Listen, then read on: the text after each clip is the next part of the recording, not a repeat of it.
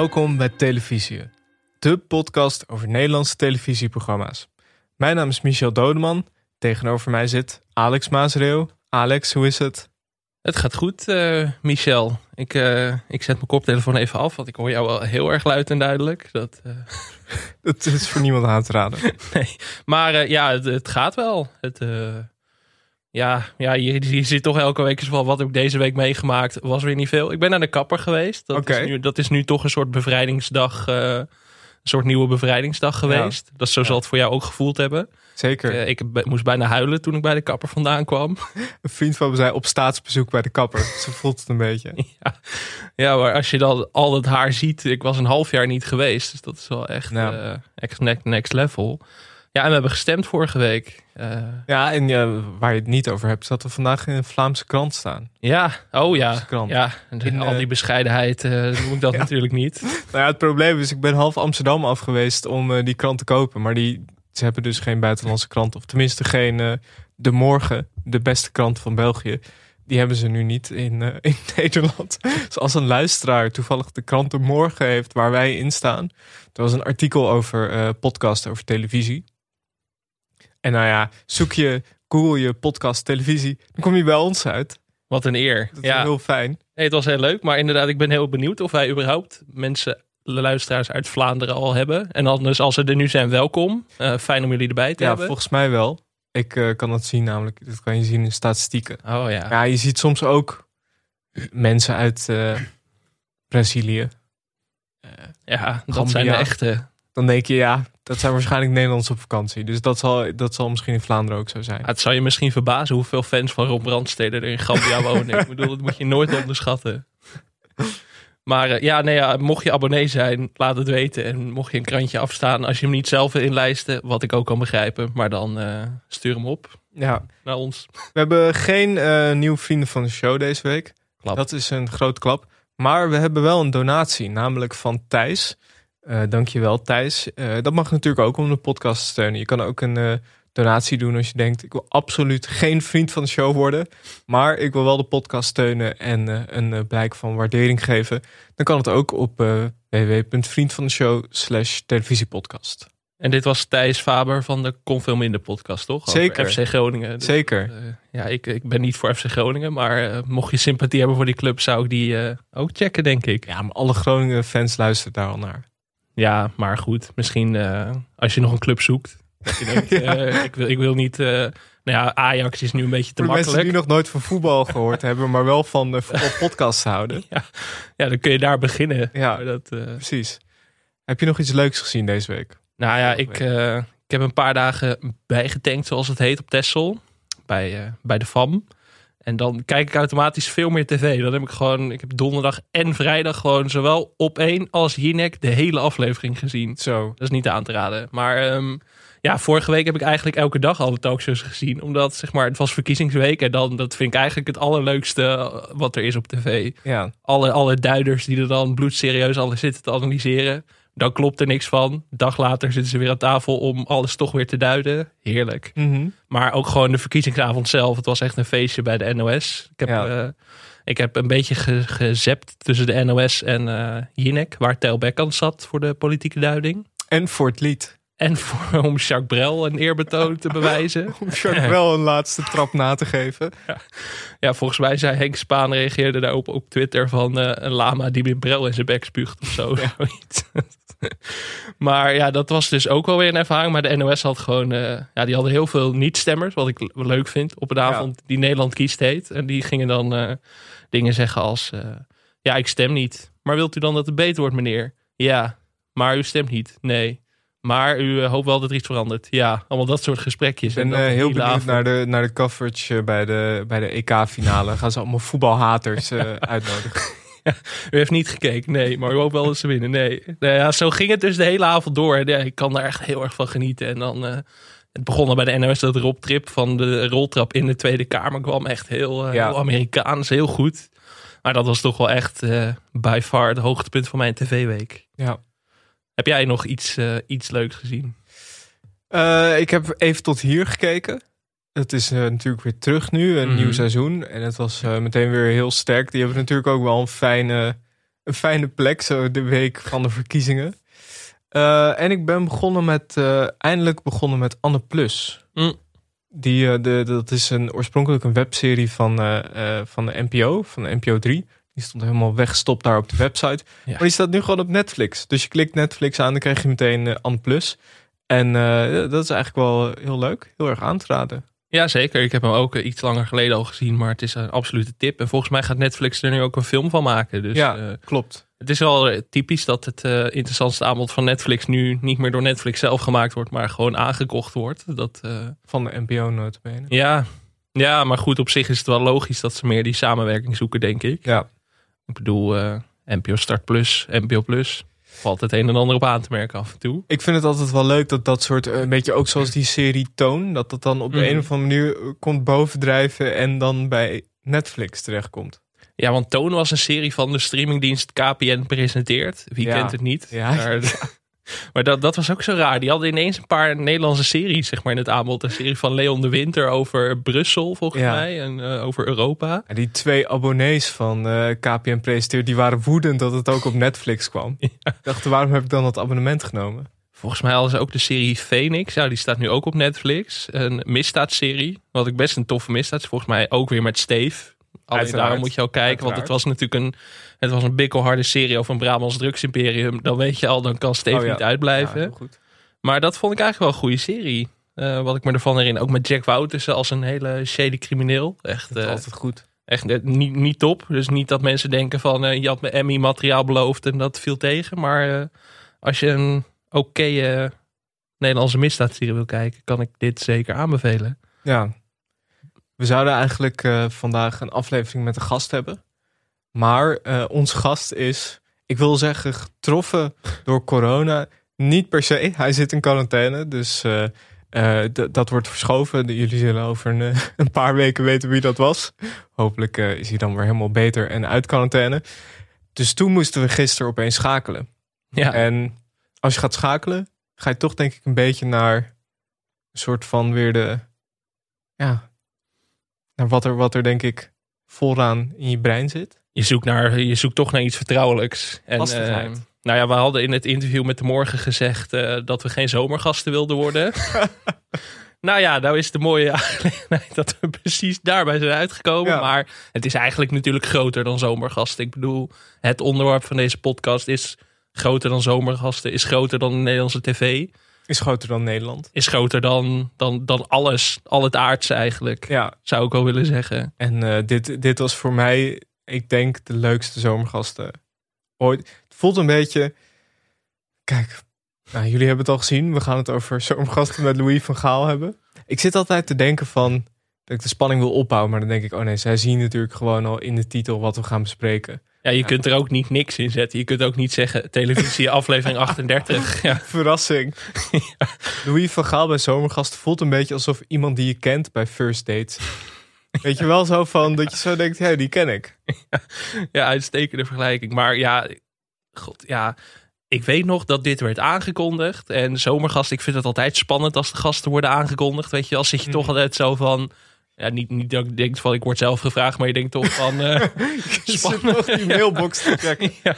ja. Ja. maar dat je toch denkt, oh, wie zou er zitten? Weet je wel, interessante mm gasten. En meestal denk je, ah, ja, 9 van 10 keer valt het tegen. Ja, ja dan denk ik, oh, ik ga wel even kijken. En dan kijk je vervolgens niet echt. Of een beetje de vijf minuten compilatie. Maar toen, toen, toen Louis werd aangekondigd, toen ja, ik, ik sprong bijna van de bank af. Ja. Het was toch wel echt een droom die uitkomt. Echt twee werelden die ook samenkwamen. Ja, een soort van daarom. voetbal en VPRO die ineens zeg maar, in elkaar over gingen lopen. Dat was echt een magisch moment. Laten we even luisteren naar uh, een fragmentje van Louis met Janine Abring. Ja, hiermee uh, wil ik wat zeggen ook. Hè?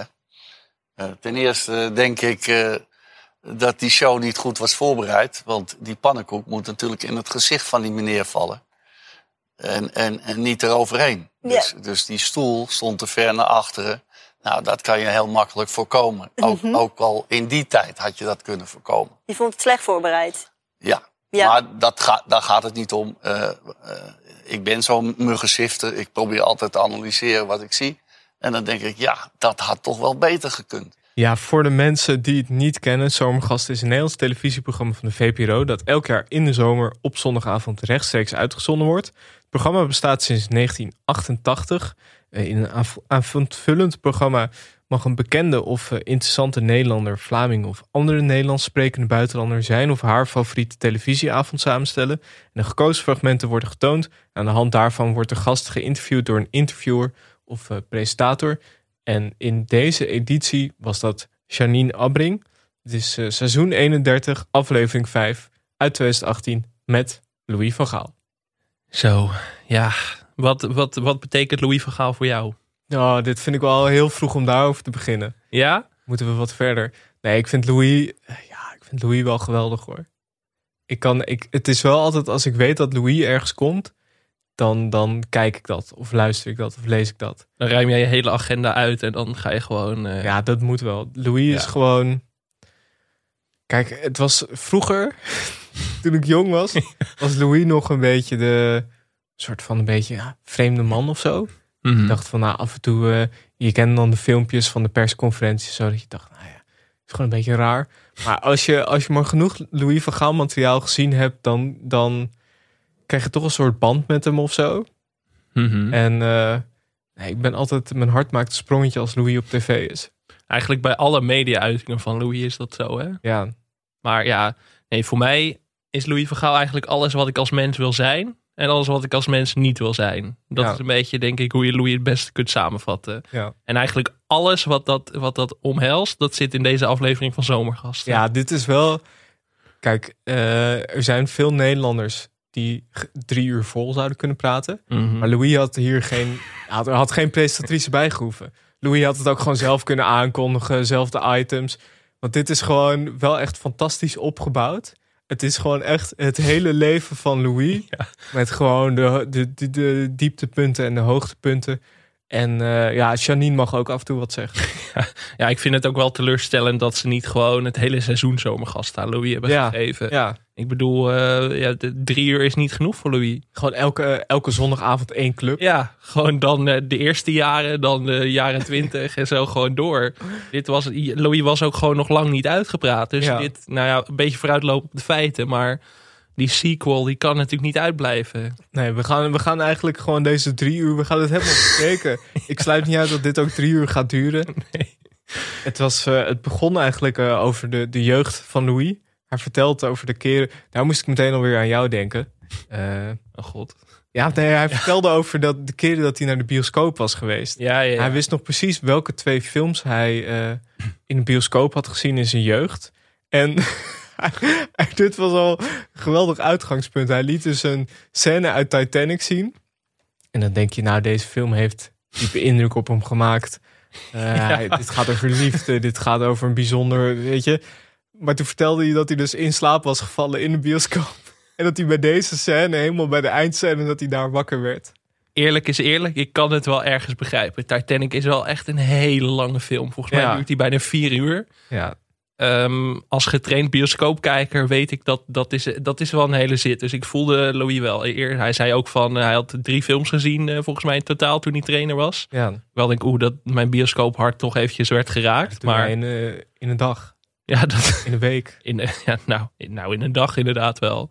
Kon het maar weer. Maar ja, inderdaad dat hij in slaap was gevallen, dat was wel typisch. De, een van de grootste of de meest succesvolle films aller tijden. Maar niet besteed aan Louis van Gaal. Die, eh, die ging gewoon een tukje doen. Nee, ik vond het wel heel interessant, de boodschap die hij eruit haalde. Want voor veel mensen gaat Titanic natuurlijk alleen maar over een soort van liefde of eeuwige Mhm. liefde. Maar Louis haalde er iets heel anders uit. Eigenlijk, je kiest altijd voor jezelf. Ja, Je wordt alleen geboren en je gaat alleen weer dood. Ja, dat vond ik wel een hele treffende analyse. Ik wou- zou ook Louis sowieso als filmcriticus aan de slag kunnen. Ja. Want hij heeft wel originele uitgangspunt. En nee, maar dat is als toch- je dat zo gaat bedenken inderdaad, dat zij op dat, op dat vlot zit, dat, eh, dat is wel gewoon waar.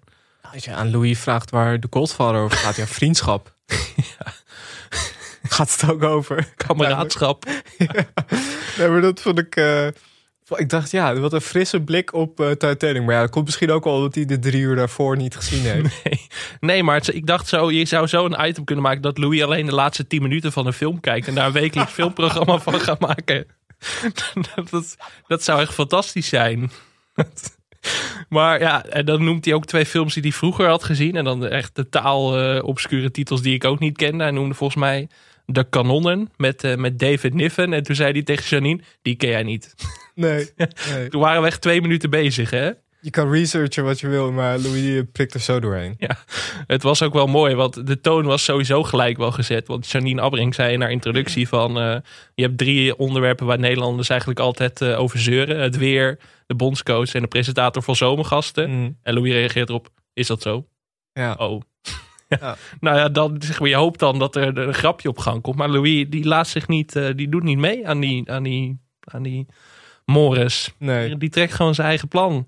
En inderdaad, als het dan over de, de Thai tank gaat, zoals hij het zelf uh, noemt, dan, ja, dan gaat het dus gewoon over uh, egoïsme. Ja. En niet het totale mensprincipe. Nee, oh, dat, dat kwam ontzettend vaak, daar gaan we het zeker nog over hebben. Dat kwam echt ontzettend vaak terug, totale mensprincipe. Uh, geef Louis een hand en hij heeft het de hele dag over het totale mensprincipe. Hij vertelde ook een beetje over zijn gezin. negen kinderen in, in opgegroeid in Watergraafsmeer. En hij vertelde over het badhuis. Uh, daar, daar hoefde de familie van Gaal niet heen. En zijn moeder wilde niet dat hij voetbalposters op de, op de wand had. En toen, uh, ja, toen kwam er wel iets interessants. Toen zei hij, de Van Gaaltjes waren er altijd heel vroeg bij. het ging over verkering. Ja. Ja, want hij vertelde dat hij al heel vroeg verkering had, toch? Of dat hij al heel vroeg. Uh... Ja, het, ging, het ging vooral over dat bij hem, bij hem thuis dat eigenlijk die hele, die hele huiskamer zat helemaal vol met, uh, met uh, mensen. Vooral met jonge mensen, want hij had natuurlijk acht broertjes en zussen. Ja. En die hadden allemaal vroeg, op vroege leeftijd uh, verkering. Dus er kwamen ook allemaal vriendjes en vriendinnetjes bij. Dus eigenlijk die hele woonkamer zat stampvol. Mm -hmm. En zaten ze daar te kijken naar Teddy Scholten op tv. En dat was het fragment dat we net hoorden. Het heette een kwartje per seconde met een lopende band. Ja. Het was dan een, een vrouw die moest in razend tempo pannenkoeken op een lopende band leggen. Uh, of nee, van een lopende band halen en op een kruk leggen. Als ze dat niet deed, als ze niet snel genoeg was, dan zou haar man een pannenkoek in zijn gezicht uh, kregen. Dat ging Louis dus heel serieus ja, ja, analyseren. Ja. ja, Louis zei ook van, ik probeer altijd te analyseren in alles wat ik doe en alles wat ik zie. En dan denk ik, dit had beter gekund. Ja. En dan denk ik van, Louis, er is nog een stoel vrij hier, zeg maar. Gewoon, Ja. Hier zou ook prima elke week een blokje van wat beter had gekund met Louis. Gewoon, Ja. Dat had er zo ingekund. Dat hij inbelt vanuit Portugal. Ja, of wij gewoon langs gaan. Dat is ook wel, lijkt me ook wel een Ja. leuke ervaring. Dan Wordt- krijgt, dan krijgt Louis van ons gewoon acht uur de tijd. Zoveel als hij wil. Een soort Villa, Veld, eh, Villa Velder. Of, eh, Maar dan omgekeerd. Ja, Dat de presentator inderdaad bij, bij hem langskomt. Nee, maar dat vond ik in die zin wel eh, typerend inderdaad. Of hij er toen al mee bezig was, weet ik niet. Maar ik kan me wel voorstellen dat toen Louis die fragmenten ging selecteren... dat hij heel erg zat van oké, dit heeft Louis van Gaal er nog aan toe te voegen. ja. Dat hij dat zelf dan waarschijnlijk ook zei op dat moment. Nou, wat ik, wel, wat ik wel leuk vond, wat hij zei, is dat voordat zij een televisie hadden, ze waren volgens mij de tweede in de straat die een eh, tv hadden, daarvoor was het best wel een kleine wereld. En daar had ik, daar had ik me nooit natuurlijk, kijk, eh, wij zijn opgegroeid met televisie, met internet, met de hele, de hele handel, maar daar had ik me nog nooit zo, had ik nooit zo bij stilgestaan. En toen, toen ik dat hoorde, want ik, hierna had hij het over, ehm, over zijn vader, Ja, eh, vroeg een hartinfarct kreeg en die eh, toen hij elf was stierf. En over eh, John F. Kennedy. En Van Gaal zei daar dat, dat de dood van, van John F. Kennedy eigenlijk dat dat hem bijna meer raakte Ja. dan de dood van zijn vader. Maar eigenlijk dat vond ik wel goed aansluiten op dat met tv. Dat hij daardoor, toen hij een tv kreeg, ging opeens de wereld voor hem open. En voelde hij zich ook alsof hij dus een band kreeg met JFK. Ja, misschien had Louis die spirituele connectie sowieso natuurlijk wel. Maar Ja. nee, da- ja, dat is wel waar inderdaad. Maar jij, jij hebt er nooit bij stilgestaan van een wereld zonder tv. Nee, nou ja, ik heb er wel, ik heb er wel eens over nagedacht. Maar nooit zo, nooit zo. Ja, voor ons is dat natuurlijk helemaal niet, totaal niet aan de orde. Ik kan me heel goed voorstellen dat eigenlijk voor, ik weet niet hoe oud jouw ouders zijn, maar voor mijn ouders ook niet echt. Maar Louis Nee. is dan net, ik kan me voorstellen dat het heel gek is dat als je kind bent, dat er dan opeens wel tv is. Ja, precies. Ja, en hij vertelt ook van John F. Kennedy dat al die mensen, volgens mij is het ergens in Den Haag of zo, dat mensen een condoleanceregister aan het tekenen zijn en massaal bezig zijn met iemand die helemaal niet zeg maar onze president is. En dat dat Ja. hem meer raakt bijna inderdaad dan het overlijden van zijn eigen vader. En had hij, wel, had er wel een mooie quote bij. Je moet de tijd eh, hebben om elkaar lief te hebben, zei hij. En dat, dat, dat was dus eigenlijk waarom die dood van Kennedy meer impact had op hem dan de dood van zijn vader. Ontroerend momentje. Ik, Ja. even, ik keek even naar mijn armpjes, eh, een beetje kippenvel. Een beetje Nee, zeker. kippenvel. Eh, Het, wa- het waren daarom drie bewogen uren. Want er zaten dat soort momenten. Er zaten ook hele andere momenten in. Eh, maar dat vond ik, vond ik wel leuk. En hij, ja, dat was. Er was ook, er had ook nog zo'n raar verhaal bij. Hij zag zijn buurjongen bij de Gay Pride op tv. Snapte jij dat? Nee, dat kon ik echt totaal niet volgen. Nee. Nee, snapte ik ook helemaal niet. Hij Nee. had- ja, ik weet niet meer hoe hij daarop kwam. Maar opeens ging het over zijn buurjongen. Zijn oude buurjongen die hij op tv zag. Ja, maar er zaten meer momenten in waarop Louis ineens een totaal onnavolgbaar zijpaadje betrad. Ja. En ik denk, waar gaat dit heen? En dat Janine weer terugtrok. Maar daardoor kreeg je als kijker een soort van gekke verwarring van... Ik zit nu op het zijpad, maar jullie zitten alweer op het hoofdpad. En Louis zit zelf ook nog half op het zijpad. En zo, Ja, het dat was al een rode lijn door de hele aflevering. Ja, het was ook wel een rode lijn dat Janine hem inderdaad in toon probeerde te houden. Maar Louis die, Louis die rende eigenlijk door de aflevering heen. En Janine probeerde hem soort van, als een soort van eh, baasje van haar hond zat er een soort van achteraan te slingeren. Maar ze, ze kon hem niet echt eh, in toom houden. Nee. nee, maar ja, ga er ook maar aan staan om drie Ja. uur Louis Vergaal in toom te houden. Ik bedoel, wie zou dat wel kunnen? Onmogelijk. Wij zouden totaal afgebluft worden. Wij zouden niks meer zeggen. Nee, tuurlijk niet. Nee, als wij, stel Louis zit hier in die stoel. Hallo Louis, hoe gaat het? Dan zijn we klaar. Meer zeggen wij al- niet. Je vraagstelling is Ja. verkeerd. Incorrect. Ja. Wat is dit voor walgelijke framing? Nee, dat, ja. En dat, daardoor had je ook een soort van met Janine te doen. Want je merkte gewoon, Louis liet, liet zich dit moment niet afpakken. Nee, maar ik moet wel zeggen, en als we dan even naar het volgende gedeelte gaan. eh, af en toe liet Janine ook een steekje vallen. Want Jee. Louis was hierbij toen het ging over Peyton Place. De eerste soap van Amerika. Die keek, Mhm. eh, keek hij altijd mee met zijn moeder. En daar vertelde hij dat hij ook een zwak had voor brunettes. en toen zei hij, ik heb een zwak voor brunettes. Als jij. En daar was hij duidelijk aan het flirten. Maar Ja, ging er niet op in verder. Louis, ouwe snoepert. Toen de- Heel ongemakkelijk ook wel. ja, maar toen dacht ik, ja, dit was wel het moment om door dat harnas heen te breken. Ja, maar dat deed ze dan niet. En dat, Nee. ja, dat is toch, denk ik, Louis boezemt natuurlijk wel een soort angst in, kan ik me voorstellen. Het is, er zit natuurlijk wel wat tegenover je. Ja, Ja, Louis heeft een soort aura, waardoor je denk ik ook moeilijker in durft te grijpen. Dat is ook wat je, daar gaan we het later misschien nog even over hebben bij iemand als Mhm. Twan Huis bijvoorbeeld, of Ja. Linda de Mol. Die hem ook geïnterviewd hebben. Ja. Dat is alweer iets minder kritisch misschien dan Janine Abrink. Maar of Jeroen van der Boom. of Jeroen van der Boom. Nou, ja, Jeroen van der Boom natuurlijk wel de, de Bernstein, eh All the President's Man journalist van de Lage Landen. Maar Ja. ehm, nee, dat, dat zag je gewoon wel terug. Dat Janine ook heel erg moeite had om haar rol een soort van... Jeroen van der Boom is een soort. is een soort eh Twan Huis, maar dan met, een, met piano. Dan moet je het zien. Ik zou Twan Huis ook wel graag achter een piano willen zien. Ja, Dat Twan Huis gaat zingen. Maar daarover later meer. Dat is een teasertje voor straks.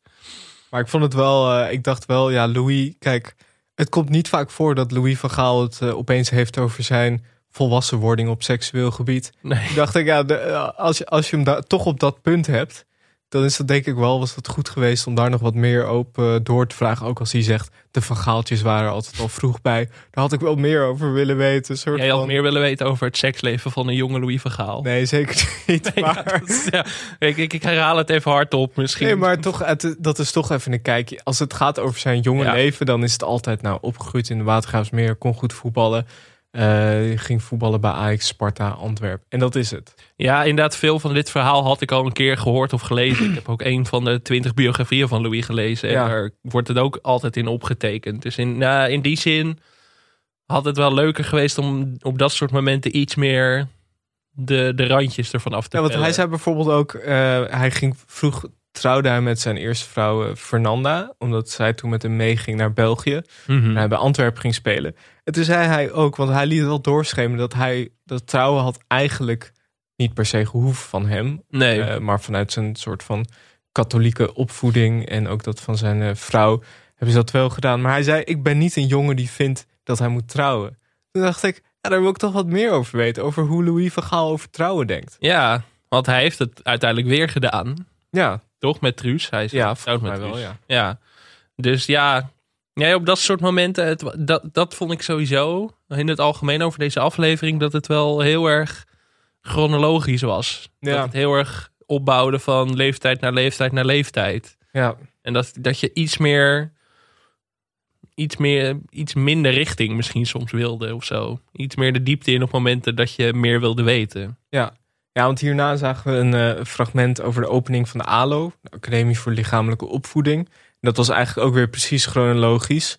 Eh, dat Louis, eh, ja, toch eigenlijk, hij, hij liet zich omscholen tot gymleraar eigenlijk, want zijn voetbalcarrière zat erop. Zei hij ook, ik, hij, hij vertelde over de, de soort van verschillende dingen die je daar moet leren en moet doen. Zei hij ook, ik moest wel ritmisch bewegen. Dat was al niet makkelijk voor mij.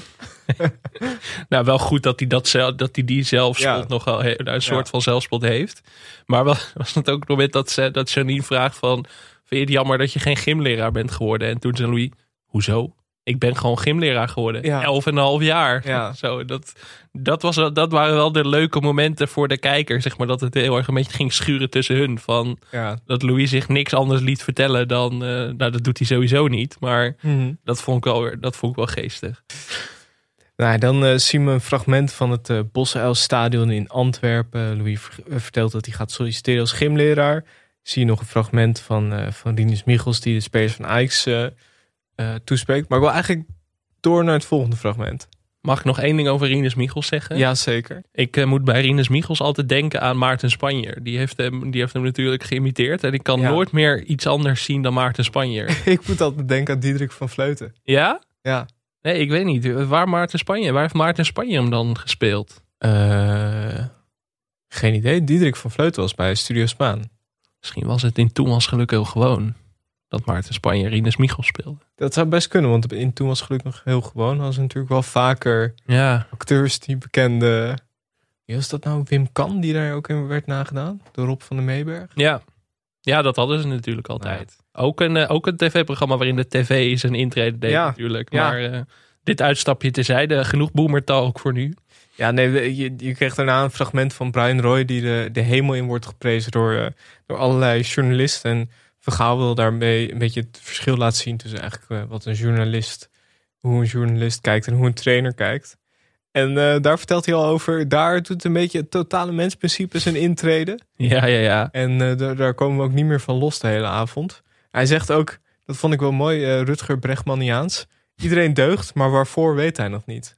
Ja, schitterend. Je vraagt je af waarom Louis nooit een column op de correspondent heeft gekregen eigenlijk. Als je dit zo hoort, hè?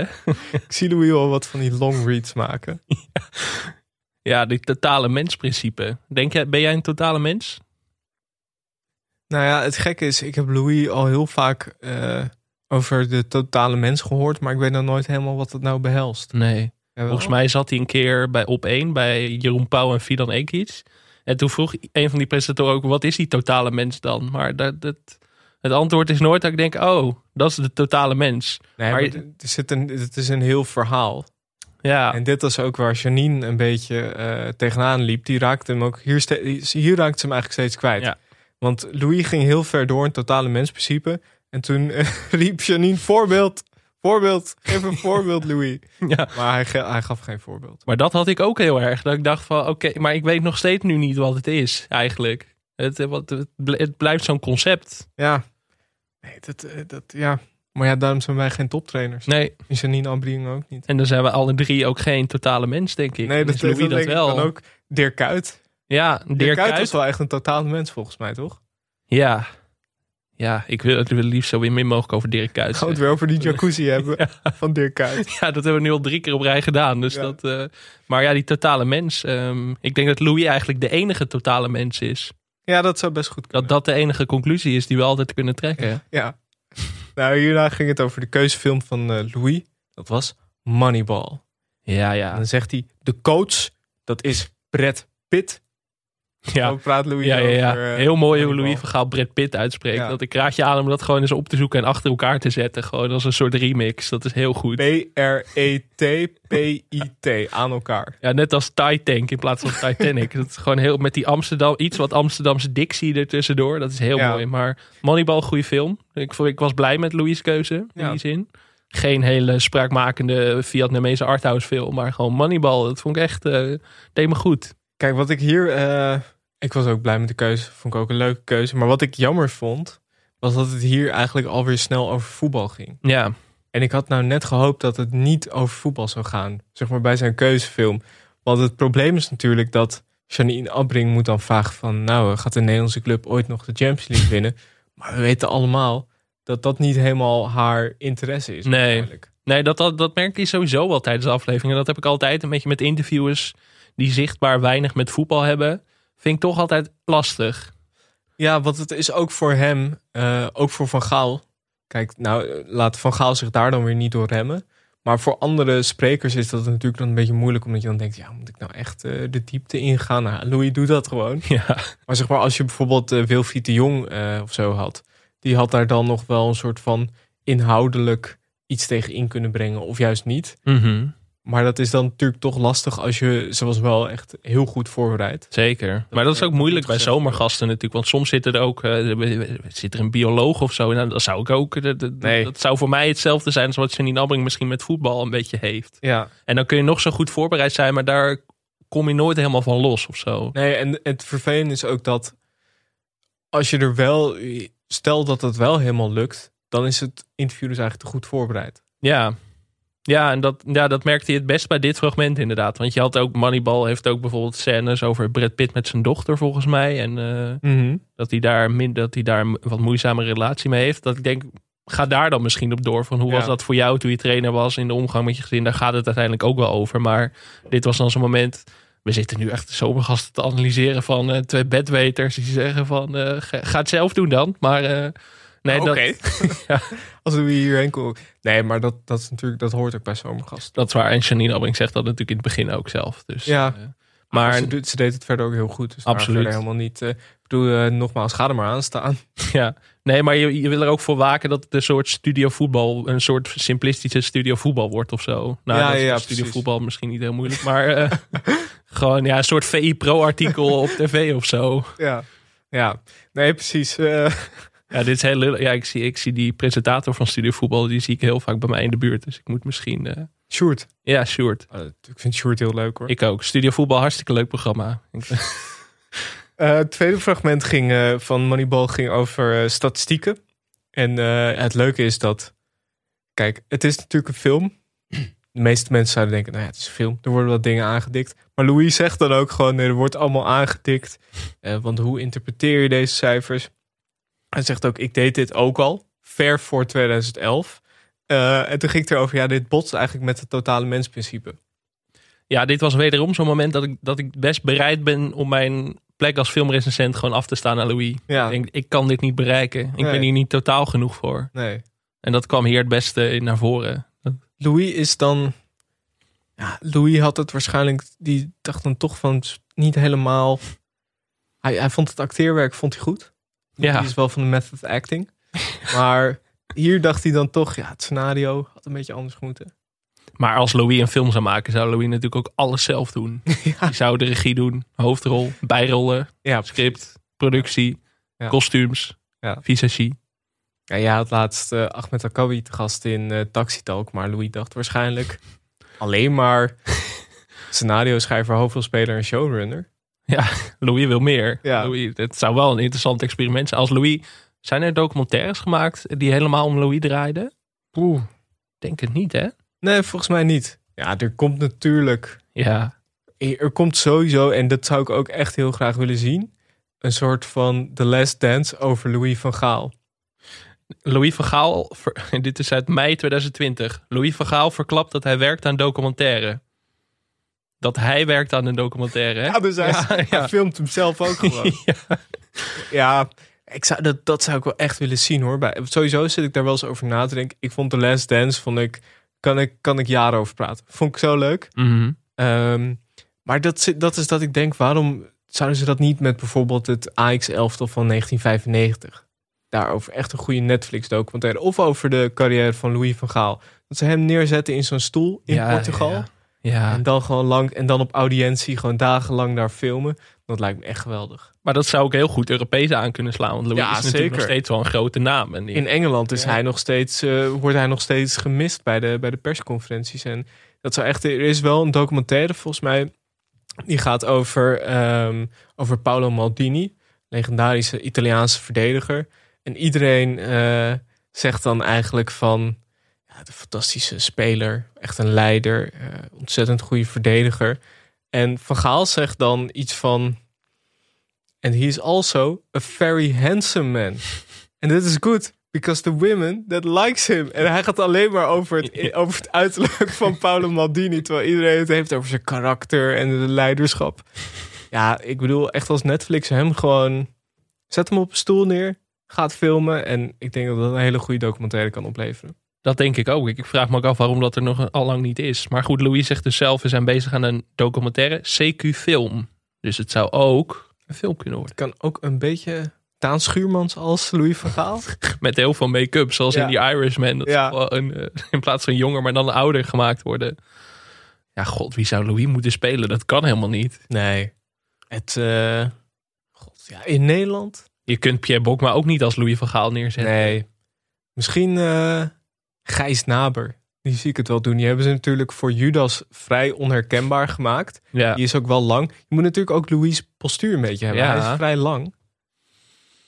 Je kan niet, eh Raymond Chiri eh, kan het niet doen. Nee, dat wordt lastig. Die moet dan op stel te gaan lopen, Ja. inderdaad. Maar nee, dat... eh, ja, god, nee, ik denk do- do- documentaire. Geen film. Nee, documentaire. Dat, Anders gaat Louis hem zelf ook recenseren. Dat is ook lastig natuurlijk.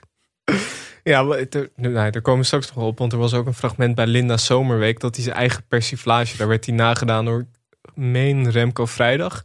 Dat ging hij dan ook analyseren. Ja, daar moeten we straks even nog eh, de diepte over in. Dat Ja. moeten we ook even aanzetten eigenlijk. Ja, Heel goed. hierbij, eh na het volgende fragment, dat was eh, Mariah Carey met Hero. En hier, hier, werd het, hier veranderde de sfeer. Janine schonk een eh, Portugees wijntje in. Hele goede wijn, want Louis had hem zelf uitgekozen. Toen zei hij, eh, ik wist niet dat jij ook van een eh, wijntje hield. De oude Ja, ja, ja. ja, Louis was wel echt op de, op de charmeur tour hoor. Ja. Zo. En dit was eigenlijk het meest emotionele gedeelte van, van Zomergasten. Louis vertelt hier over zijn eerste vrouw Fernanda, die, die alvleesklierkanker kreeg en twee maanden later overleed. En nou, ik vond dit, eh, dit vond ik wel bijzonder, want hij heeft hier wel vaker over verteld in interviews. Mhm. Maar volgens mij nog nooit zo. Nou, ook wel vaker echt in de in diepte. Maar eh, dit was wel. Hier zaten ook wel nieuwe elementen in. Ja, en da- daar zag je ook echt een soort emotionele openheid ook wel bij hem, van hem uit, toch? Dat, Ja, eh, ja zeker. Dit was. dat zie je niet heel vaak bij. hem, Maar hier was hij best wel kwetsbaar of zo. Ja, en dat is ook gewoon, denk ik, wat hem. Zeg maar, je kan hem zien als een soort van een soort gek. Met alle respect natuurlijk. Wat in sommige programma's natuurlijk, dat hij Ja. neer wordt gezet als een soort eh, totale idioot. Ja, Maar op dit soort momenten krijgt hij echt iets heel kwetsbaars. En dan kun je eigenlijk niet anders dan hem gaan omarmen, denk ik. nee, precies. Dat vond ik ook. En ik vond het ook eh, interessant over dat hij vertelde over het, het verwijt. Of waar hij later wel mee worstelde. Is dat hij en de dokter er alles aan gedaan hebben. Om zijn vrouw toen eh, te redden. Terwijl dat achteraf te vergeefs was. En dat hij zelf ook wel die twijfel had of dat nou eigenlijk wel een goed idee was. Dat vond ik, Ja. eh, hij heeft het vast wel eens eerder verteld. Maar ik had hem daar nog niet eerder zo open over eh, gehoord. Nee, en ook dat hij gewoon, dat heeft hij volgens mij ook wel vaker gezegd hoor, maar dat hij niet meer geloofde van dat moment en dat hij nooit Ja. meer wilde bidden en zo. Dat, dat vond ik toch wel mooi. Mooie tv. Ja, zeker. Dat, was, dat vond ik ook wel misschien wel het sterkste moment. Ja, zeker. Het meest eh, diepgaande moment misschien ook wel. Ja. En hierna ehm, kwam een fragment over zijn eh, bonusdochter, Coco. Die we later ook nog zien in eh, Hoge Bomen met Jeroen van der Boom. En eh, dit vond ik wel mooi, want elke keer hier, hier was Janine had een beetje zoiets van: Louis, we moeten naar, we gaan, we werken ergens naartoe, we moeten naar het einde toe. Ja. En elke keer als uh, Janine wilde versnellen, dan had Van Gaal zoiets van: ho, ho, ho. Ben, ik zit midden in mijn verhaal. Ja, je merkt aan Louis, die zat op eh 30%, 40%. Ja, Die had nog veel meer te doen. eh, de te VPRO zat op 70 Ja. Ja. Die dachten, we hebben hierna nog Moneyball, moeten we nog Ja. doen. Ja, bij Janine sloeg zichtbaar iets wat paniek toe. Ja, Echt, ja. Eh, En uh, dit, ja, dit was dus een fragment eigenlijk van, van Spieren voor Spieren, waar hij ambassadeur voor is. Dan zie je zijn, uh, zijn bonus kleindochter, Coco, die in een, uh, in een rolstoel rijdt. dit was eigenlijk best wel een hele tijd over de mens, Louis. Ja. Vond ik eigenlijk heel erg leuk. Maar hierna ging het dan meteen weer over, echt over het voetbalgedeelte. Ja, van mij had eigenlijk het hele voetbalgedeelte er wel uitgemogen. Ja. Ik snap dat je er niet omheen kunt, maar dat vond ik wel de minst interessante gedeelte. Dus je had ook nog gedeeld over Brian Roy en over het WK van 96 volgens mij. Ja, dit ging over de, over de ruzie tussen uh, en David. Ja, ja dat, dat, dat vond ik allemaal niet zo... Uh... het was een fragment dat hij aan zijn spelers had uh, laten zien. Ja. En ja, hier ging het echt een beetje... Janine wilde ja. hier echt door. En nou ja, Louis zei op een gegeven moment, dat probeer ik te vertellen, maar je inter interrumpeert me. Toen zei Janine, nee, ik wil je laten versnellen. Toen zei Louis, ik kan niet versnellen, want ik moet alles vertellen. Ja, ja. ja betere samenvatting van die zomergasten-uitzending krijg je ook gewoon niet. Nee, nee. Dit, uh, ja, hij, hij liet dus, dus een beetje aan zijn spelers zien om te laten zien dat ze trots moesten zijn op Oranje.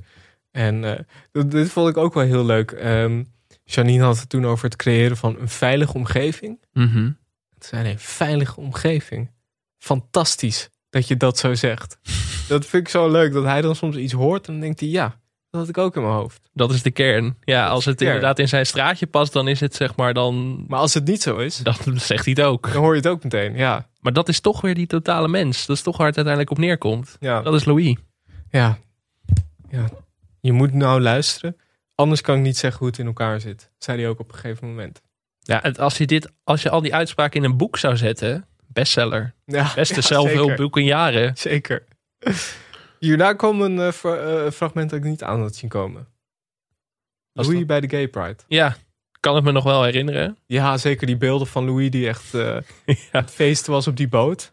Ja, nou ja, Louis houdt natuurlijk ook wel van een bakootje. Dat, ja, ja, ja. dat hebben we op andere gelegenheden vaak genoeg kunnen zien. Maar ja, dat ging vooral over dat, uh, dat er nog steeds zo weinig uh, profvoetballers uit de kast waren gekomen. Mm -hmm. Dan zegt Louis ook, uh, nou, er zijn er inmiddels meer uit de kast gekomen. Hij kon er niet één noemen, wat dan wel weer jammer was. Nee. Maar die beelden waren wel, dat was wel weer leuk om dat even te zien, vooral. Ja, en hier probeerde Janine ook Louis uit zijn tent te lokken. Mm -hmm. Dat zei ze ook, maar het lukte er niet.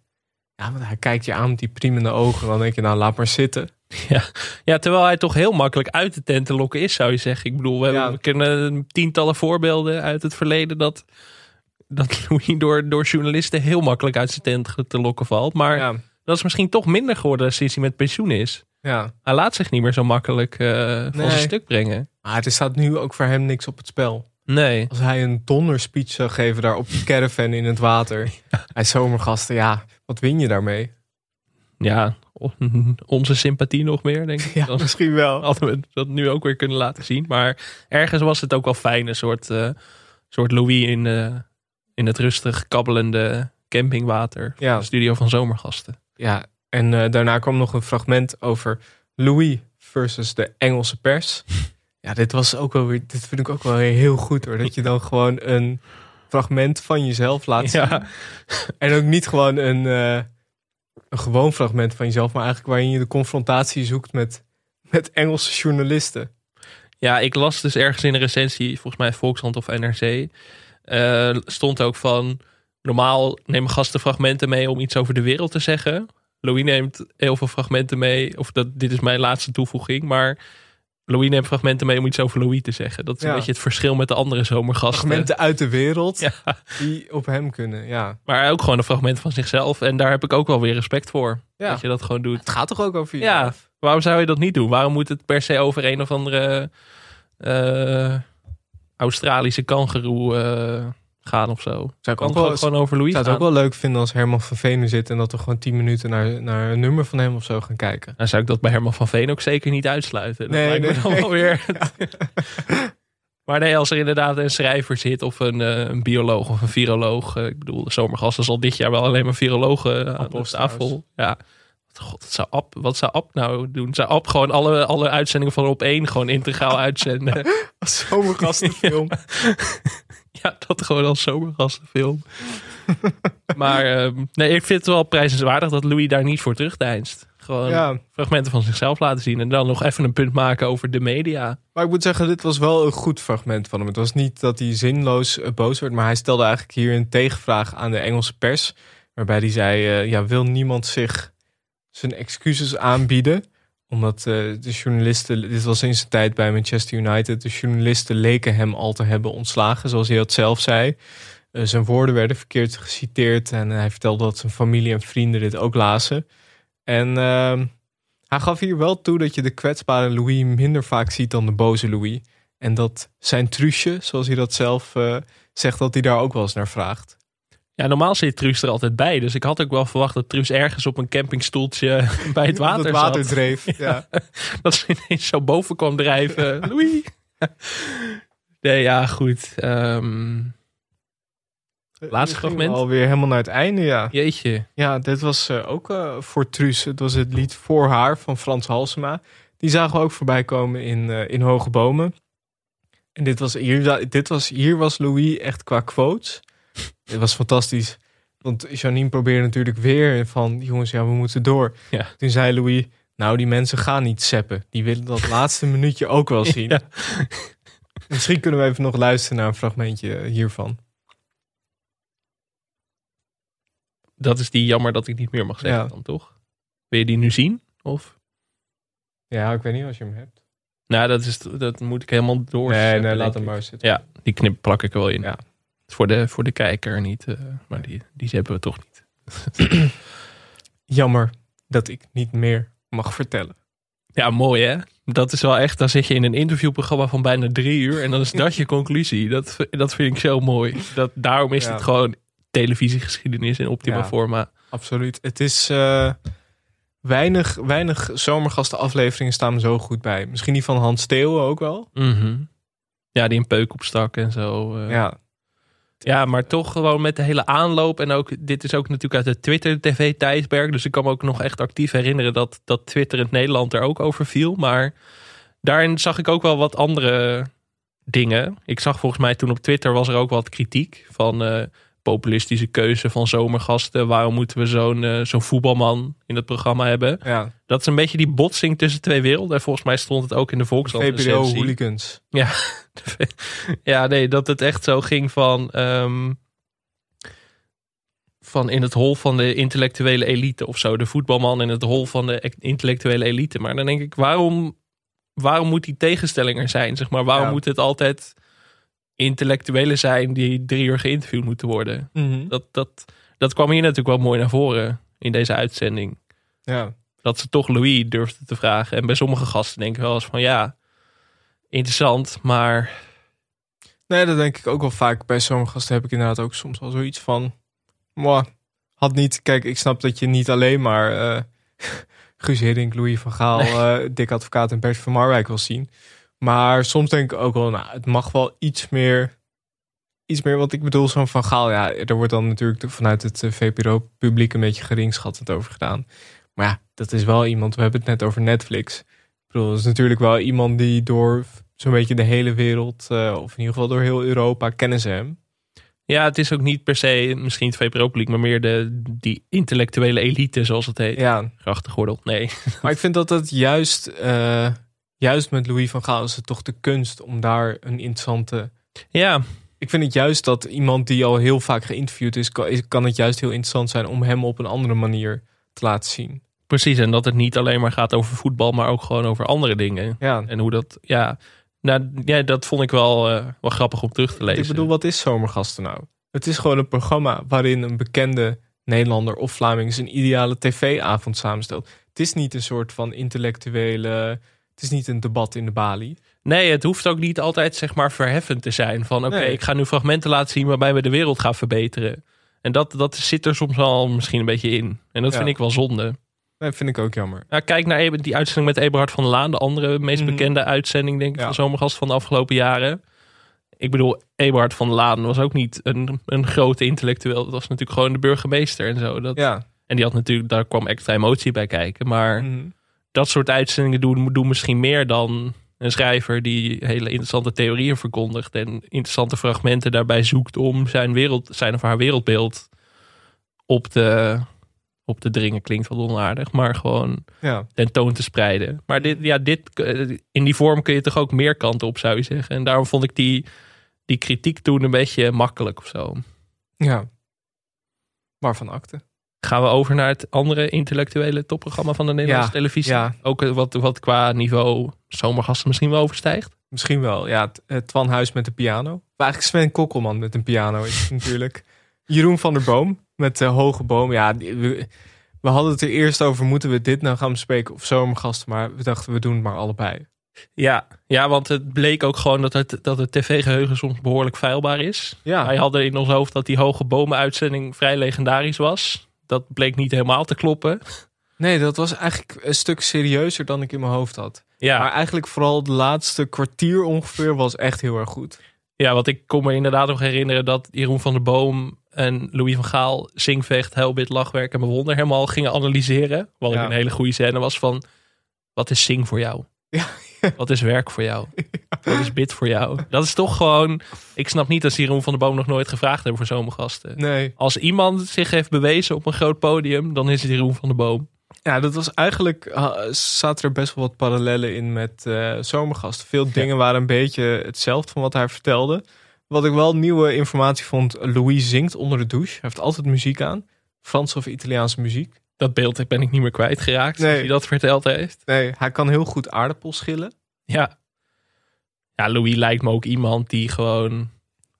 Ja, Louis lijkt me geen keukenprins, maar dat soort dingen kan hij dan wel goed. Nee. Hij begon ook het, eh, het gesprek met eh, dat hij zijn kinderen heeft opgevoed om u te zeggen. Mhm. Schiet ik meestal in een kramp als mensen dat zeg maar tegen hun eigen kinderen zeggen. Daar word ik altijd, ik er altijd een beetje warm van. Ja. Sorry voor alle autoritaire luisteraars die we hebben. Maar, eh, en ehm, ja, inderdaad, die soundtrack van zijn leven, daar ging het eigenlijk om. En Ja. dan kwam je met Zingvecht, Helbit, Lachwerk en Bewonder. En het, was ook nog, het ging ook nog over het lied eh, Dochters van Marco Borsato. Ja, Ja, ja. dat was ook wel weer goed hoor. Er ging, Jeroen van der Boom ging dat zingen. Maar ja, je moet, voor de mensen die het niet gezien hebben. Jeroen van der Boom zit eigenlijk achter zijn piano. Ja. Die speelt ook met alles mee. Je hoort hem niet echt, maar hij speelt wel heel duidelijk mee op zijn piano. Mhm. Hij zingt ook mee met alles eigenlijk. En Louis van Gaal zit daar tegenaan. Dus die zit eigenlijk recht in het gezicht van Jeroen van der Boom te kijken. En de meeste mensen, die, die, daar zie je dan een glimlachje. Af en toe een beetje zelf meezingen. Maar Louis van Gaal kijkt gewoon strak door je heen eigenlijk. Zullen we het fragmentje even aanzetten anders? Of een stukje laten luisteren? Ja, graag. Graag. Ik krijg er echt geen genoeg van. Ik heb dit fragment denk ik al honderd keer gezien. Maar Wil je, wil je die van eh, dat hij echt dat lied over Louis zingt? ja, Ja, dit is Jeroen van der Boom met zijn versie van het dorp voor Louis. Ik sluit elke aflevering, wil ik afsluiten met een persoonlijk lied. Een van jouw mooiste liedjes is die jij aan ons ja, eigenlijk gaf, was Het Dorp van Wim Sonneveld. En wij hebben het dorp op jou geschreven. Helemaal passend. En zie het als een cadeau van mij naar jou uit. Omdat ik het ontzettend fijn vond dat je er vanavond was. Dankjewel.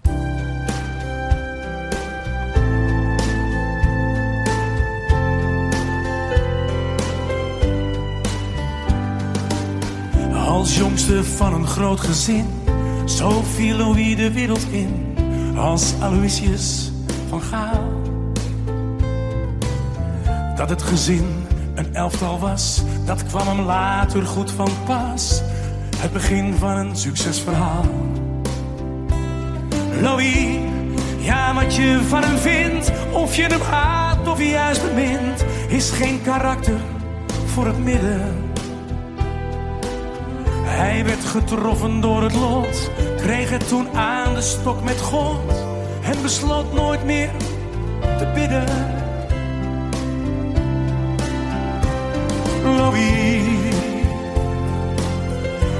jij man van veel gezichten. Je mag bij hoge bomen staan. Hoewel de wind zich op jou richtte, heb jij de stormen steeds doorstaan. Ja, dit is, eh, dit is inderdaad tv-historie. Wat mij heel erg opviel, bij, sowieso bij Hoge Bomen, Jeroen van den Boom. Op een gegeven moment toen begon hij over de kritiek op Louis van Gaal. Ja. En Louis keek hem strak aan. En Jeroen begon heel erg te knipperen. En dat merkte ik elke keer bij een beetje die zenuwen. Dat hij toch een soort van... Nou, die was toch al geïntimideerd door de Van Gaal. Ja, dat snap ik ook wel. Want, maar ja, ik heb sowieso ook wat andere fragmenten van ehm, Hoge Bomen terug zitten kijken voor deze aflevering. Dat is natuurlijk weer begonnen ook deze week. Dus dat Ja. is een mooie timing. Fred van Leer zat er, eh, zat er afgelopen week. En daarin, hij schrijft natuurlijk elke aflevering een hertaling van een liedje. Ja. Of die laat hij schrijven en die zingt Jeroen van der Boom dan. In dit geval bij Fred van Leer was het samen zijn. En dat was dan jouw zijn. Ja. Creatief. Maar het allerleukste was toch wel, dat is een goede tweede in deze categorie met Louis. Is wel met John van den Heuvel. Daarvoor zingt hij eh, Ik leef mijn leven zoals ik dat wil van André Hazes. Heeft hij een beetje aangepast. Maar daarbij aan tafel zitten nog twee gasten over John van den Heuvel. En dat één daarvan is Klaas Wilting. En die zit er bij dat hele nummer bij. dat is heel erg ongemakkelijk. Dus Ja. je ziet gewoon Jeroen van der Boom is aan het zingen. John van den Heuvel, die snik. En dan zie je daar Klaas Wilting nog zo bij zitten. Dat, dat, ja, dit programma, dat is zo goed. En dan voor Martin Meiland, formidabele. Oh ja. Ja, nee, dat, ja, dit programma. Jack van Gelder komt eraan. Ik, eh, ik, ik heb een plekje Eh, vrij. Zwart-wit. ja, Wat hij natuurlijk zong in de Passion. Dat moet haast wel, hè? Jack ik hoop dat hij. Jack gaat, Jack gaat zelf zingen natuurlijk. Ja, ja, ja. Die laat Jeroen eh niet doen. Maar ja, dit programma. En En er was hier, wat ik ook echt nog heel erg goed vond, dat was helemaal aan het einde. Toen vertelde Louis over eh, dat hij samen met Truus naar Gambia en Rwanda is geweest. En eh, hij zei erbij, ik ben uitverkoren om een naam te geven aan een gorilla. Nou ja, er zijn fantastische foto's van. Maar wat blijkt nou? Die foto's die maakt Van Gaal ook zelf. En die zet hij een muziekje onder. En dan maakt hij een soort eh, dia-voorstelling. Ja, maar zat hij hem niet in de zeik te nemen? Dat idee kreeg ik ervan. Nee. Wij worden beticht van naïviteit in deze podcast. Dus ik ga nu alles tegen het licht houden. Nee, dit deed hij wel echt zelf, toch? Ja? Ja, maar je zag die reactie eh, van Gaal, dat was gemeend. Hij wist niet hoe, eh, hoe Jeroen van der Boom aan die video kwam. ja? Het zag er wel heel professioneel uit. Ja, Die beeldbewerking. kunnen we er even naar luisteren? Maak je veel foto's op reizen en zo zelf ook? Een film? Ja. En dan zet er ik een muziekje onder, want ik ben een muziekgek. Maar doe je dat zelf? Dat doe ik allemaal zelf, ja. Dit is productie. Ah, ja, ja, dat rat. is natuurlijk wel rat. Nee, dit is de productie van Louis van Gaal. Ja, Ja. Maar kies je dan ook, zit je dan achter de computer en dan zeg je, Ja. Truus, kom even kijken. Of, of, of met de... what a wonderful world. Ja, what a wonderful world. Dit is een wonderful world. Die, die past bij de beelden. Ah, fantastisch. Hoe heet de aap eigenlijk? Aap? De aap, die, die kreeg een naam. Odon Kossi. Odon Kossi. Odon Dat betekent eh, leider. Wat een programma. Ik wil dat Louis weer komt eigenlijk. Ja, Dat zou wel echt een droom zijn. jaarlijks. Maar ik verwacht ook heel veel van Jack van Gelder. Ja, dat Toch wel. Goed, hoor. Maar Louis had vorig jaar had hij echt even een media... Ja, Toen natuurlijk dat boek van hem uitkwam. ja dat was goed ook. eh, Met dat boek van Robert Heukels. Toen, toen was er even echt een mediastorm. Toen zat hij gewoon overal. Ja, dus, ik kan me nog herinneren dat hij toen bij Op1 zat, volgens mij met Klaas Dijkhoff toen. En dat hij toen het hele coronabeleid eventjes Oh ja. eh, met de grond gelijk ging maken. Dat, eh, dat Louis zei van, eh, nee, ja, als we dit zo gaan doen, dat, dat gaat gewoon niet werken. Nee. We moeten het gewoon zo doen. Discipline en dan Ja. dat soort dingen. Ja, dat, Daar ja, had hij gelijk in. ja nee, hij heeft uiteindelijk gelijk gekregen. Hij- Ja, hij zei inderdaad, wij moeten het coronavirus verslaan. De discipline van de mensen is niet groot, dus handhaven en controleren. Maar daar had hij helemaal gelijk in. Heeft hij uiteindelijk best wel een punt gehad. Ja.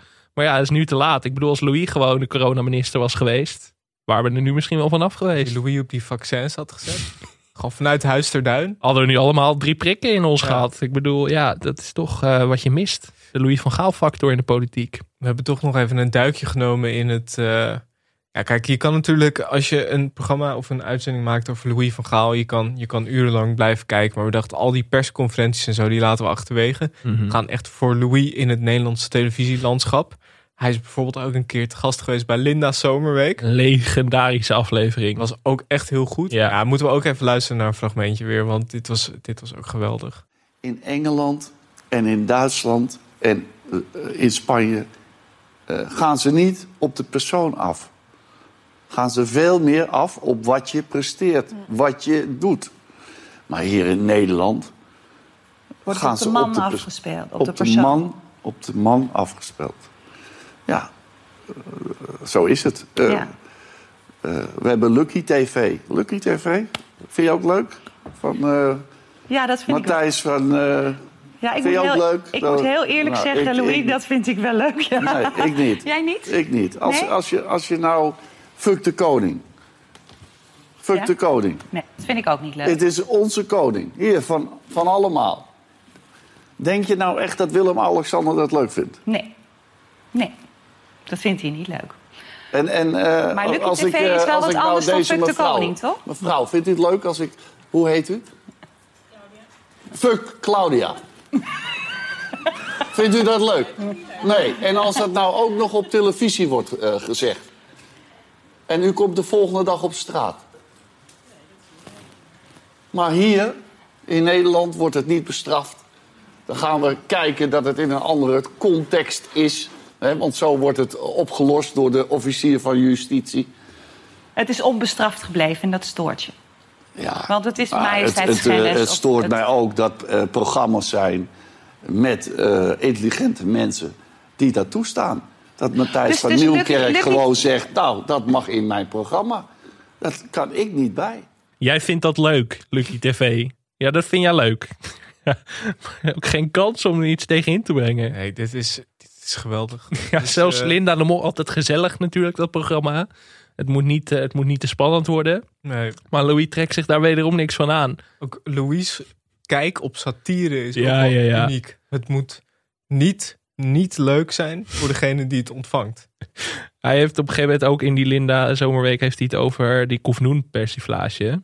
Ja, En dat vindt hij verschrikkelijk. Ja, en dan gaat hij dat vervolgens ook weer analyseren. Zegt hij van, eh, in die persiflage wordt een grap gemaakt over dat hij korting vraagt of zo. Mhm. Dan zegt Louis later, ik zal nooit om korting vragen. Dat zegt, het- Ja. zeg maar, zo gaat hij alles ontleden. En dat Ja. zegt hij ook van, ja, de waarheid eh, van de media is dat. Louis voelt zich in die zin wel echt eeuwig miskend door de media. ja. Maar hij kan ook niet zonder die media. Nee, dat is een beetje het dubbele. Je zou ook kunnen zeggen, nou, je bent nu gestopt. Dan hoef je toch eigenlijk nooit meer in de media te komen. Maar zo werkt dat niet. Nee, maar ik, was hij wel nog trainer trouwens. ja, dit was 2000, 2015. Oh, 2015 al. Jeetje. Ja, maar ik, ik, eh, vorig jaar had die Louis inderdaad een media-offensiefje. Maar het is nu best wel stil. Ja, Hij zit wel eens bij. Ziggo. Nou ja, misschien is hij dus eh, druk met dat... eh met die documentaire. hij het allemaal aan het filmen. Hij het allemaal aan het monteren. Muziek moet eronder. Ja, maar als je ook... Ik heb ook die College Tour aflevering uit 2010 nog even teruggezien. Ja. Dat was nog voordat hij natuurlijk eh, naar het WK en zo ging. Maar als je die, hoe ziet hoe uitgelaten die zaal is... Die vormen gewoon een soort erehaag voor hem Ja, als hij binnenkomt. dat, en Louis is helemaal buiten adem als hij op het podium zit van al het eh, high five en zo.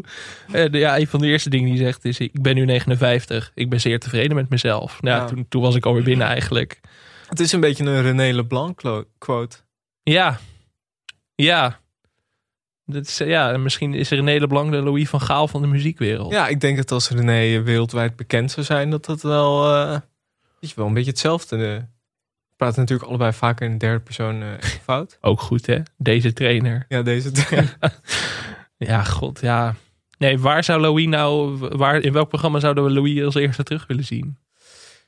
Eh, de slimste mens. Ja, ja, ja. Ja, ja, ja. Zo met Maarten van Rossum. Dan krijg je vuurwerk op tv. Dat hij gewoon al die antwoorden gewoon zegt, dat klopt niet. Dat klopt helemaal niet. Dat zeg jij nu wel, Filip. Maar ik heb gemerkt dat dat niet zo is. Gewoon Ja. dan de hele tijd. Oh, dat zou goed zijn. En eh, ja, we zouden... eh, wie is de mol? Zo. Je zou hem natuurlijk eigenlijk overal kunnen inzetten. Als Louis meedoet aan Wie is de Mol, dan gaan wij ook gewoon een recap podcast maken. Ja. Dan zetten we alles opzij, 100%. onze trots opzij om dat gewoon te gaan doen. Dan stop ik met werken. Ja. Dan, ga Dan ik gaan wij mee ook gewoon met de crew. ja.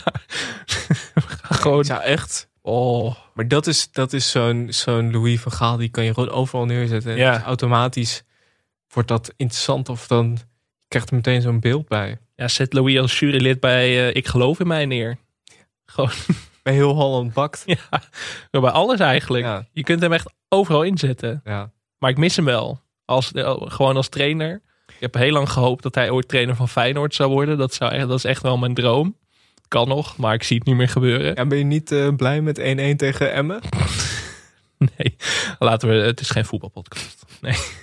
Maar nee, Louis, ja, nee, je mist hem toch. Maar je, Ja. ja, het is soms ook wel eens dat je denkt van, gaat dat ver? Op dat plein in München is natuurlijk. eh, Dat, eh, dat gaat redelijk ver, maar dan zit er ook een bakootje in. Er zit een rood wijntje in. Of als hij eh, de, de selectie van Manchester United aan het toespreken is op een of ander eh benefietavond. Ja. Wat- zegt hij dan ook weer? This is the manager. Of, eh, Hello, hello. Dus Pay attention to the manager, zegt hij dat. Ja, maar dan denk ik toch, oh Louis. Ik zou Louis gewoon minstens elke maand een keer willen zien op tv. Ja. Ja, gewoon een, een, vast, een vast programma. ja. Met één keer per maand Louis, die het volk toespreekt. Beetje vanuit het torentje misschien. Zolang Ja, de inderdaad. formatie nog gaande is. Rutte gewoon aan de kant schrijft dat, dat Louis gewoon voortaan al de persconferenties ook doet. Ja, Ja, dat zou wel goed zijn, hè? Maar dit, ja, ja Louis, de aandacht doet Louis goed. Je moet hem alleen positieve aandacht geven. Dus eh, Heb jij Louis wel eens ontmoet? nee, jij wel. Nou, Merk ik, ik aan je eh, vraagstelling. nou, nee. Nou, ontmoet. Ik weet nog wel dat ik toen ik eh, een jaar of acht of negen was, denk ik. Toen was hij trainer bij AZ. Mhm. En wij zaten toen, wij gingen toen wel eens naar. mijn, mijn opa en oma die woonden, woonden in, in Heergewaard, vlak in de buurt bij het stadion van AZ. Dus ik kwam daar nog wel eens in de buurt. En toen ben ik een keer naar de training van AZ geweest. En toen na aflopen, toen eh, liep Louis van Gaal langs. En toen ben ik met hem op de foto geweest. Zo. En hij was heel erg aardig. Heb je die foto nog? Nou, die heb ik zeker nog. Moet je even delen op de socials eigenlijk. Ja, die zal ik Eh, even delen. Dat is natuurlijk, eh, dat is natuurlijk kanon. Echt een heel klein, heel kleine Michel met een. maar hij was toen echt heel aardig. Dat kan ik me echt nog herinneren. Dat is wel ook wel typisch van Gaal. Aardig voor kinderen, hard voor de pers. Hij had vorig jaar toch nog zo'n moment dat hij een klas kinderen toesprak in een Ja. gymzaal. Dat was ook goed ook hoor. Ja. Ja, we kunnen echt drie uur door blijven praten over Louis. ja. Terwijl ja, het is niet eens eigenlijk een tv-man. Dus misschien zouden mensen nu zeggen van... eh, waarom heb je het over Louis van Gaal, een voetbaltrainer? Maar ik denk toch wel, Het is onze podcast. ja... Maar gewoon, Louis, wat we al aan het begin al zeiden... Louis overstijgt alles. Ja, Louis is gewoon groter dan iedereen op tv. En iedereen die we besproken hebben eigenlijk. Buiten categorie. ja. Ik, eh, ik hoop dat we Louis snel weer terugzien. Ik ben helemaal van me apropos ook. Ik weet helemaal niet meer wat mijn, wat mijn tekst is. Oh, wacht. Ik heb Moet ik hem doen? Eh, Nee, ik kan hem wel doen. Nou, vond je deze podcast leuk? Laat een recensie achter op iTunes of stuur eens een bericht op Twitter of Instagram televisiepod of mail ons op televisiepodcast@gmail.com. Je kan nog vriend van de show worden. Daarmee steun je onze po- podcast. Ehm, moet je naar vriendvandeshow.nl slash televisiepodcast. Veel dank aan Dag en Nacht Media, aan Studio Cloak voor tune en aan Wijts Valkema voor de illustratie. Volgende week leuke gasten. ja, en we maken elke week natuurlijk ook een special over Ik Geloof in Mij. Dus eh, Ja. De die komt elke woensdagmiddag, begin van de avond uit. Dus eh, check die ook. En inderdaad, volgende week een eh, leuke gast. Tot volgende week. Tot volgende week. Gaan we er nog uit met Louis? Ja, zeker. Waar gaan we ermee uit? Eh, ja, misschien nog even een keer Louis, jij man met vast. man Nog een keer het refrein. terwijl Ja. hij heel gevoelig is. Nooit grijs, maar altijd wit of zwart. Soms was hij lief, soms leek hij hard. Om zijn gelijk maar te bewijzen. Dat hoef je toch niet meer te doen. Want je gaat bijna met pensioen. Maak met Truus mooie reizen.